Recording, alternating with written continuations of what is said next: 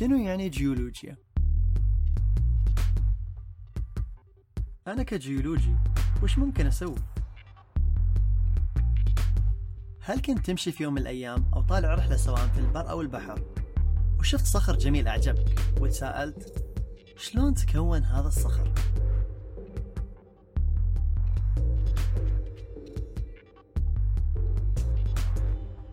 السلام عليكم ويا هلا وسهلا فيكم في الحلقة الأولى من زينوليث بودكاست.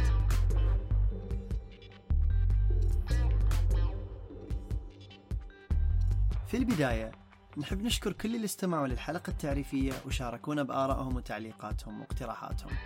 وأيضا نرحب بانضمام العضو الجديد حسن السادة لفريق زينوليث بودكاست.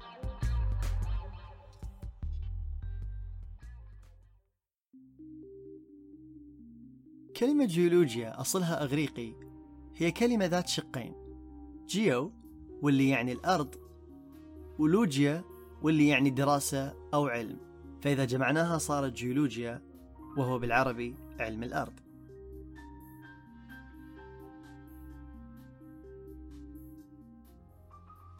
الصخور اللي نشوفها اليوم بكل مكان قطعت رحلة كبيرة وطويلة ابتدت من باطن الأرض اللي تتواجد فيها الصهارة الذائبة المتكونة من مزيج مصنوع من الأجسام الصلبة والمائعة والغازية المختلفة. بعد ما تنصهر الصخور جزئيا في الطبقة العلوية من الوشاح أسفل القشرة الأرضية تبدأ الصهارة تتحرك للأعلى من خلال المناطق الأضعف في القشرة الأرضية لحد ما توصل إلى سطح الكرة الأرضية. والمحرك لهذا الانتقال هو الاختلاف في درجة الحرارة. المواد اللي حرارتها عالية تكون كثافتها أقل. وهالشي يخليها تتحرك للأعلى. بعكس المواد اللي كثافتها أعلى ودرجة حرارتها أقل نسبيا فهي تهبط للأسفل. وبعد أن تشق الصهارة البركانية طريقها عبر الطبقات المختلفة للأرض وبهذا يمكن أنها توصل إلى سطح الأرض.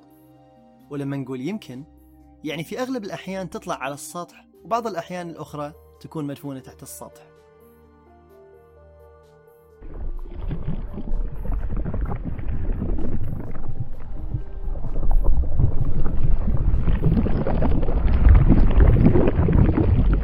بعد ما توصل الحمم البركانية وتلتقي بسطح الأرض البارد نسبيا مقارنة بباطن الأرض تبدأ الحمم البركانية تتصلب وتتبلور وتكون الصخور النارية. وهنا يجي أول تخصص في الرحلة مينرولوجي أو علم المعادن. وكذلك دور علماء البراكين أو العلماء المتخصصين في دراسة الصخور النارية. يدرسون أنواع الحمم البركانية وكيمياء الصخور المتكونة منها والظواهر الجيوفيزيائية المتعلقة بالبراكين.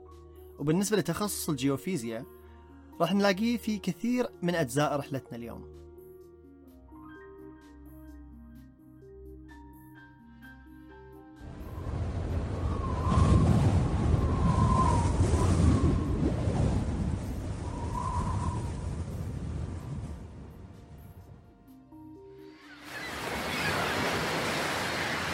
بعد ما تكونت الصخور النارية تبدأ عوامل التعرية تنحتها بالهواء أو الماء. وبعد كذا يصير الهواء وخصوصا الماء هو الناقل لفتات الصخور لحد ما توصل إلى الأحواض الترسيبية وتتراكم فيها. وتكون الطبقات الرسوبية اللي مع مرور الزمن تتكون وتصير صخور رسوبية. وهنا يجي تشعب وكثرة التخصصات في هذا الجزء من الرحلة. ونبتدي كأهم التخصصات عندنا اقتصاديا.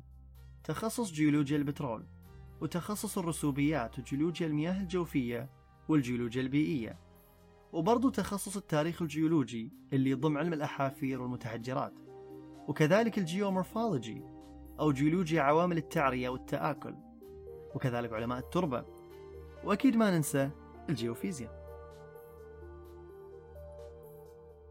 بعد ما تتراكم الطبقات الرسوبية فوق بعضها البعض أو لما تتحرك الصفائح التكتونية وهي عبارة عن صفائح القشرة الأرضية والجزء الظاهر لنا اليوم هي القارات وبعض الصفائح تكون تحت سطح البحر.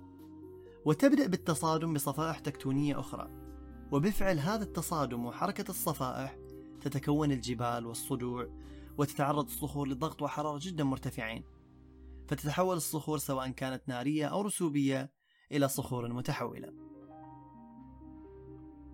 وهنا أيضا يجي دور تخصص الجيوفيزياء في عمليات حركات الصفائح وتكون الجبال والصدوع وتخصص علم المعادن وأيضا الجيولوجيا البنائية أو الهيكلية اللي تتكلم عن الهيكل ونقاط الضعف والقوة في الصخور. وبعد كذا سواء كان صخر ناري أو رسوبي أو متحول فهو ممكن يتعرض لعوامل التعرية ويبدأ الرحلة كفتات أو ممكن أنه ينصهر مع نزول الصفائح التكتونية للوشاح ويرجع صهارة. وبهذا تتم دورة الصخر.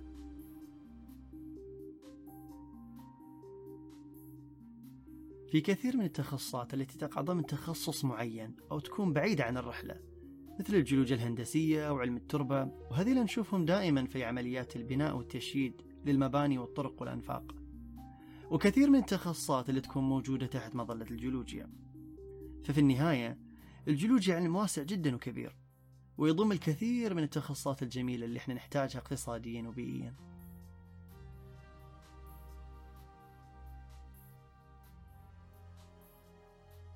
وصلت معاكم لنهاية هذه الحلقة. أتمنى تكونوا استمتعتوا واستفدتوا معنا في هذه الرحلة. هذه الحلقة من إعداد حسن السادة وتركي محمد. تقديم بسام الزاير. لتعليقاتكم واقتراحاتكم تقدرون تتواصلوا معنا على حسابنا في تويتر بودكاست ونشوفكم على خير.